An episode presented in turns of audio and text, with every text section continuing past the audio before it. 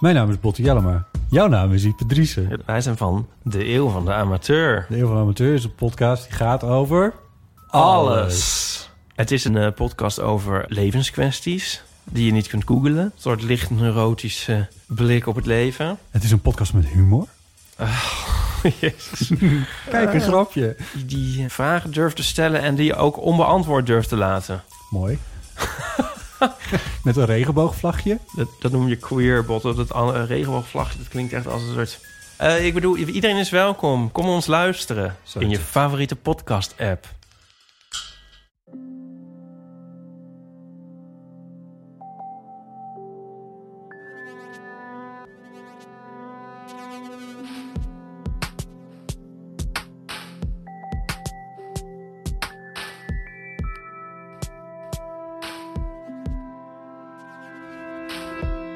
Hey, ik ben Pieter, van Relaas. En deze week stel ik je trots een nieuwe podcast voor. Onderhuids. We hebben hem gemaakt met het Relaas-team, samen met de diversiteitsdienst van Brugge. En natuurlijk met een groep vertellers van Brugge United Against Racism. Want de verhalen en betogen die we hebben verzameld gaan allemaal over racisme en discriminatie. Waarom? Omdat het in 2021 nog altijd niet vanzelfsprekend is dat we allemaal gelijke kansen krijgen. Je vindt onze nieuwe podcast Onderhuids op Spotify of waar je ook je podcast beluistert. En omdat het helaas allemaal waar gebeurde verhalen zijn, en omdat ze verteld worden door de mensen die ze helaas allemaal zelf hebben meegemaakt, krijg je van ons deze week het verhaal van Barrow.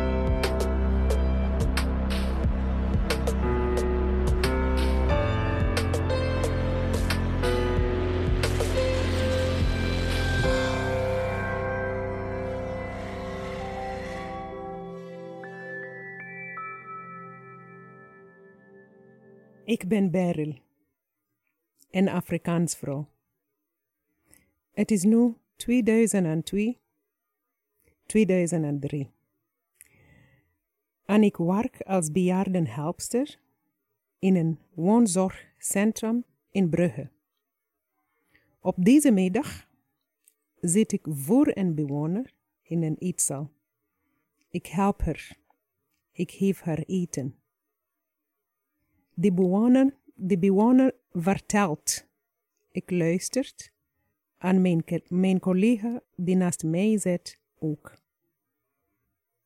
Wij lachen met die ver- verhalen van de bewoner. Het is grappig. Wij genieten van ons werk. En ik persoonlijk, ik werk hier heel graag.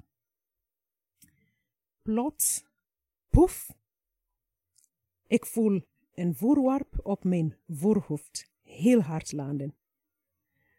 Ik stop met eten te geven aan de bewoner. Ik kijk voor mij en ik zie Vanessa, mijn collega, bos kijken naar mij. En ze zegt, ik heb het gehad met de neger. Ik ben in shock. Ik heb pijn. Vanessa heeft mij fysiek aangevallen. Maar waarom? Wat is haar doel? Wat is de aanleiding?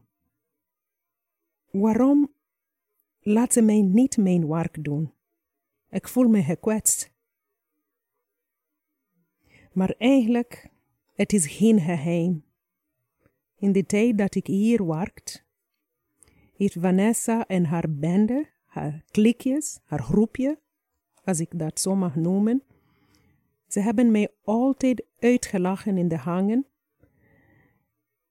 Vanessa maakt vaak grapjes over de lelijke apen. En Vanessa wil nooit samenwerken met mij. Ze antwoorden nooit als ik goeiedag zeg. Ze vertrekt van tafel als ik bij kom te zitten. Kom nooit naar de eetzaal van de personeel als ik daar zit. Ik weet dat ze mij neger noemt, want ze zegt die neger.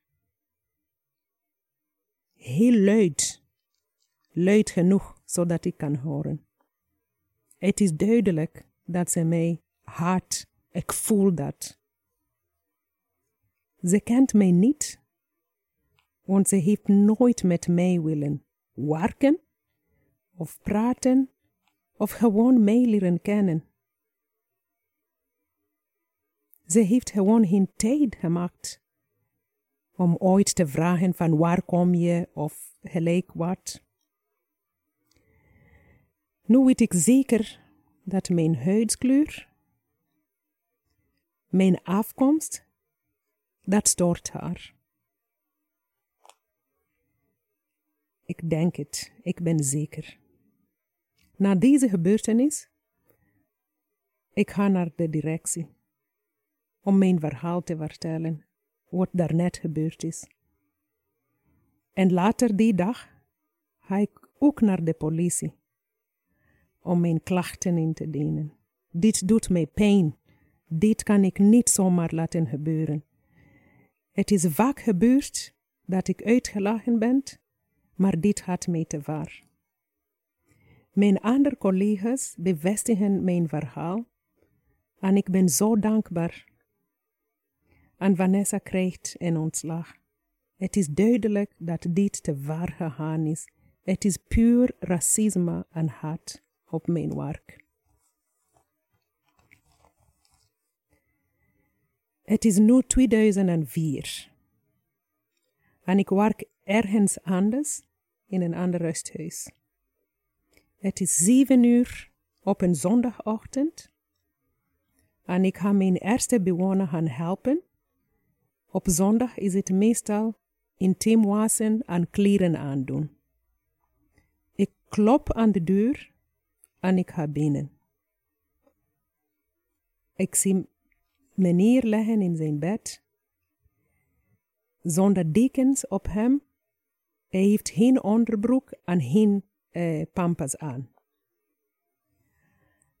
Ik kom je helpen, zei ik. Ik kom je wassen en kleren aandoen. Mijn naam is Beryl en ik ben een nieuw verzorgster. Meneer kijkt omhoog. Hij legt nog in zijn bed.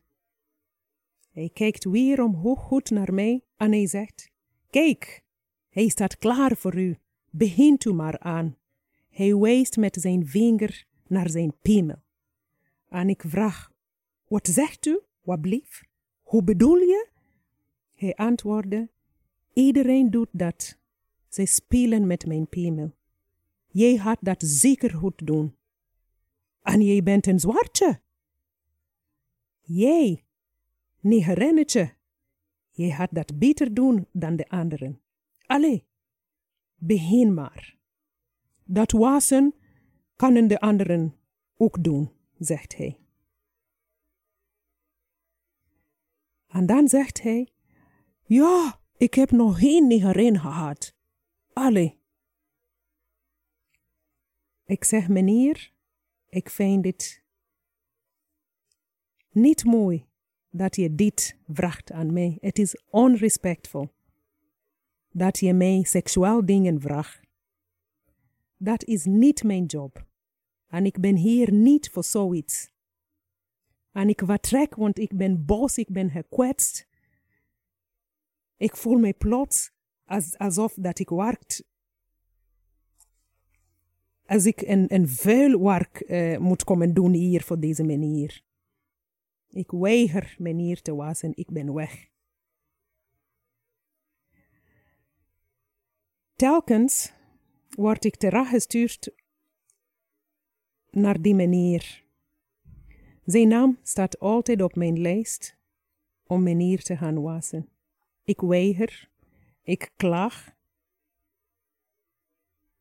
Hij zegt altijd hetzelfde als ik in zijn kamer had. Maar ik ga daar niet meer binnen, want ik hoor de dingen niet graag en het stopt niet, het is altijd. Ik heb al veel gaan klagen over de manier.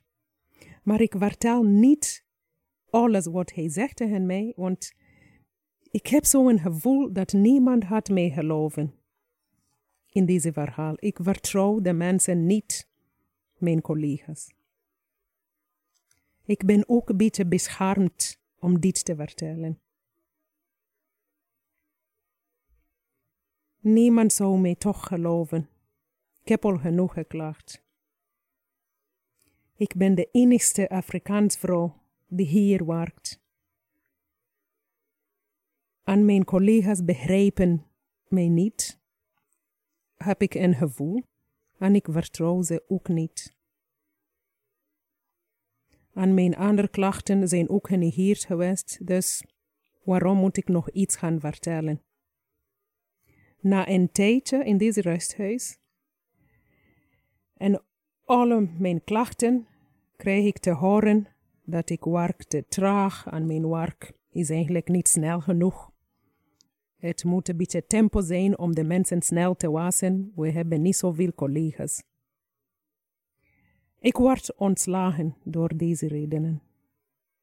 Niemand gelooft mij en ik voel mij zo alleen en zo geïsoleerd en verdrietig met mijn ervaringen. Het gaat niet alleen over deze verhaal, er is nog veel meer gebeurd in de tijd dat ik hier was. En ik ben eigenlijk geen seksueel object. Ik wil zo niet gezien worden door iemand dat ik moet helpen. Ik verdien ook respect. Ik laat mij niet doen. En als de anderen dat doen of niet, weet ik niet of waar is of niet, want niemand heeft ooit iets gezegd. Hoe kan ik dit allemaal weten? Ik ben zo ongelukkig met deze ervaringen. En ik ben ook teleurgesteld door de mensen rond mij, die mij nooit geloven als ik over die situaties ga klagen.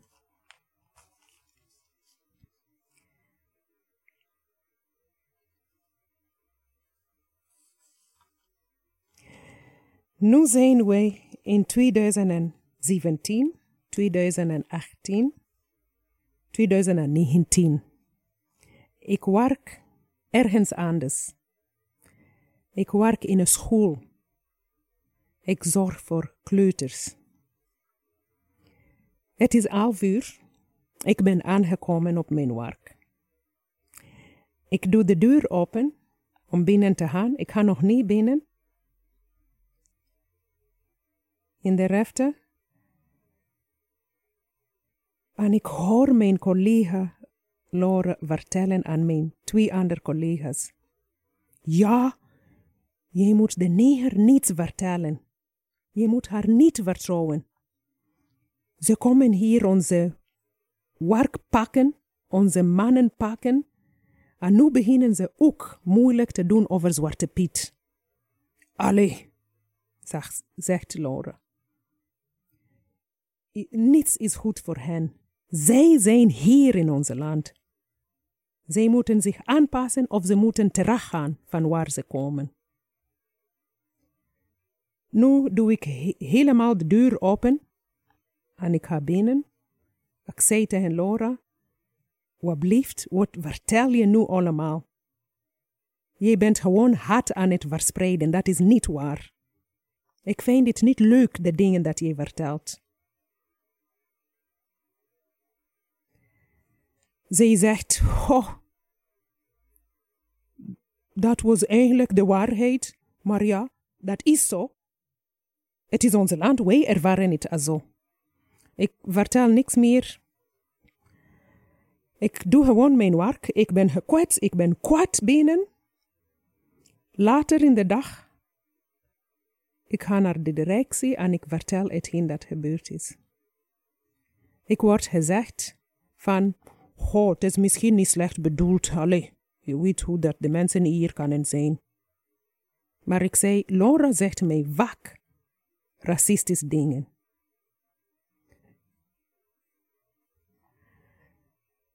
La Laura zegt, dit zijn gewoon feiten, het is gewoon zo.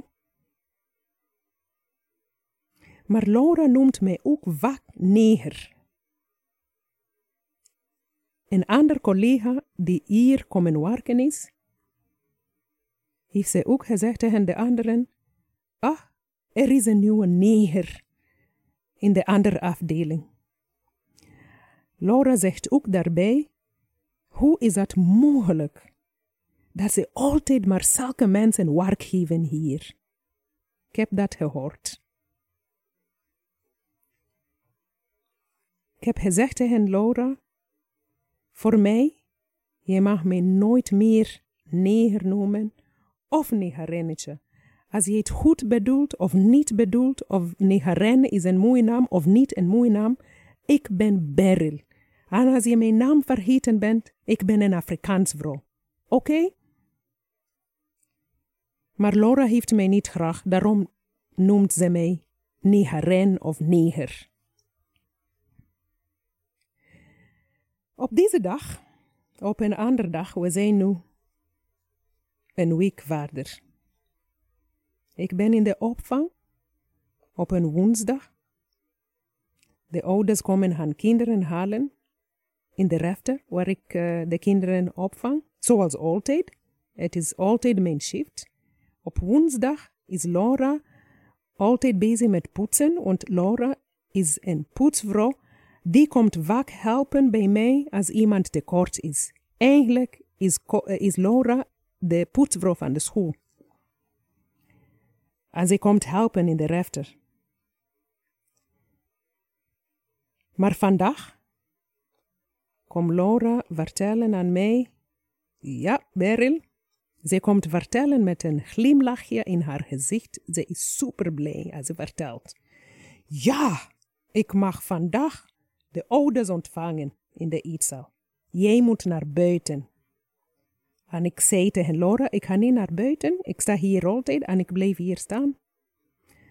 Terwijl we bezig zijn, twee minuten later, komt de directrice binnen in de refter.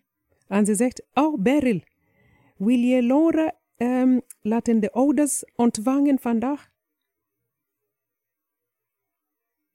En ik vraag, uh, mevrouw, kan je mij zeggen waarom? Ik doe altijd deze werk. Het is woensdag en Laura, die moet poetsen, omdat de school leeg is. Iedereen is naar huis. Maar ze zegt, het verloopt hier niet zo goed als een vreemde hier staat. Ik vraag, hoe, hoe bedoel je? En de directrice zegt tegen mij, ja, vorige week is hier een fout gebeurd. Het was een vreemde vrouw die hier stond en die heeft een fout gemaakt. Ah. Er kwam een ouder haar kind halen. Ze vroeg aan mijn collega, die immigrant, die van Bulgarije afkomstig is, die nieuw is in deze afdeling. Eigenlijk Um, die Bulgarijse vrouw werkt in mijn afdeling niet. Zij werkt in een andere afdeling, maar zij is op deze dag, uh, een week geleden, gewoon komen helpen. En ze was daar maar vijf minuten toen een moeder kwam vragen waar haar dochter was. En ze antwoordde, ik weet het niet. Maar eventjes later, op die dag, ik was daar niet toen dit gebeurd was. Maar eventjes later was de dochter van die mevrouw toch in de speelplaats en heeft haar dochter meegenomen naar huis. En dat was de fout dat mijn collega van Bulgarije gemaakt had. Ja, een nieuwe collega, haar eerste dag, ze kent de kinderen niet of de ouders, ze weet niet hoe dat wij werken in onze afdeling. Ik kan maar voorstellen dat ze kan een fout maken. Nu zegt de directrice Beryl, vanaf nu wil ik een, een wette, een Belgische vrouw, hier voor de ouders staan. Voor de reputatie van de school is het beter zo. Geen vreemden meer. De ouders hebben meer vertrouwen als, als het iemand is van hier in België. De directrice wel dat zo. Ik heb geen antwoord gegeven. Ik kan bijna niet geloven dat, dat, dat mijn, baas dit mij vraagt. Bij deze heb ik mijn werk verlaten. ben naar buiten gegaan in shock en in pijn en in ongeloof dat dit nog gebeurt. Dat iemand een directrice die zegt dat voor de reputatie van de school is beter dan dat geen vreemden de ouders ontvangen. Het was te pijnlijk voor mij. We zijn 2017, 2018, 2019 en dit hoor ik nog. Dit is niet correct. Ik die zorgde altijd goed voor de kinderen. De kinderen hebben mij graag. Iedereen heeft gezien. De leerkrachten, mijn collega's, de kinderen zelf. Want ik zie vaak deze kinderen in de atletiek, zowel als op school. En ik heb een heel goede band met de kinderen. En sommige ouders van de school ook. En nooit iets verkeerd gedaan op school. Nu moet ik een stap aan de kant zetten, zodat deze collega die mij neger noemt, die mij pijn doet, die mag gewoon blijven werken. Later dit, eh, in dat jaar is mijn contract niet meer verlengd. Die van Laura wel. Ik spreek Nederlands. Ik heb een opleiding gevolgd voor deze werk te doen. En toch is mijn contract niet verlengd. Dit doet me enorm pijn voor een job dat ik heel graag doe. Aan de kinderen. De kinderen hebben mij graag, ik weet het, want iedere keer dat ik op school kom, komen ze, dag jef Beryl. Mijn andere collega, ja, die heeft alcoholproblemen. En die heeft drugsproblemen. Die zat ook een tijdje in de gevangenis. Ja, ja. Zij komt werken. Wanneer dat ze wel komt ze. Zij is ziek vandaag, morgen niet. Zij mag wel werken.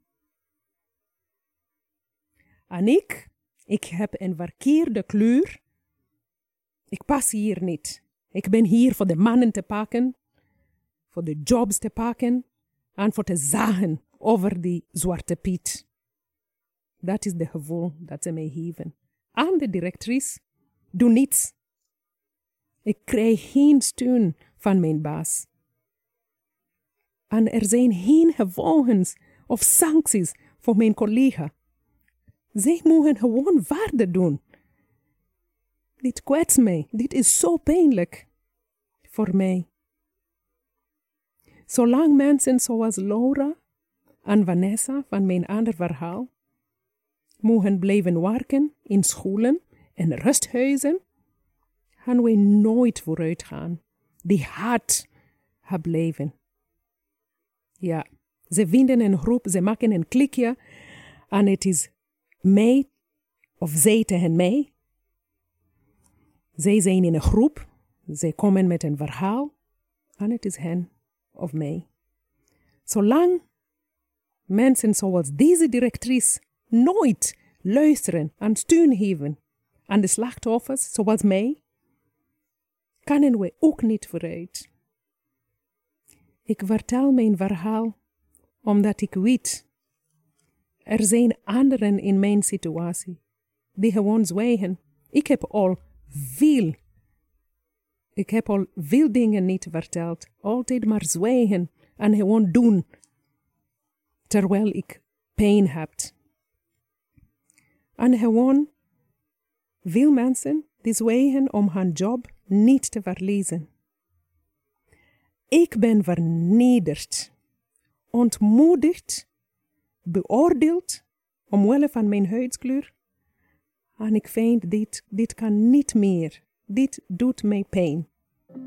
En het moet stoppen met racisme.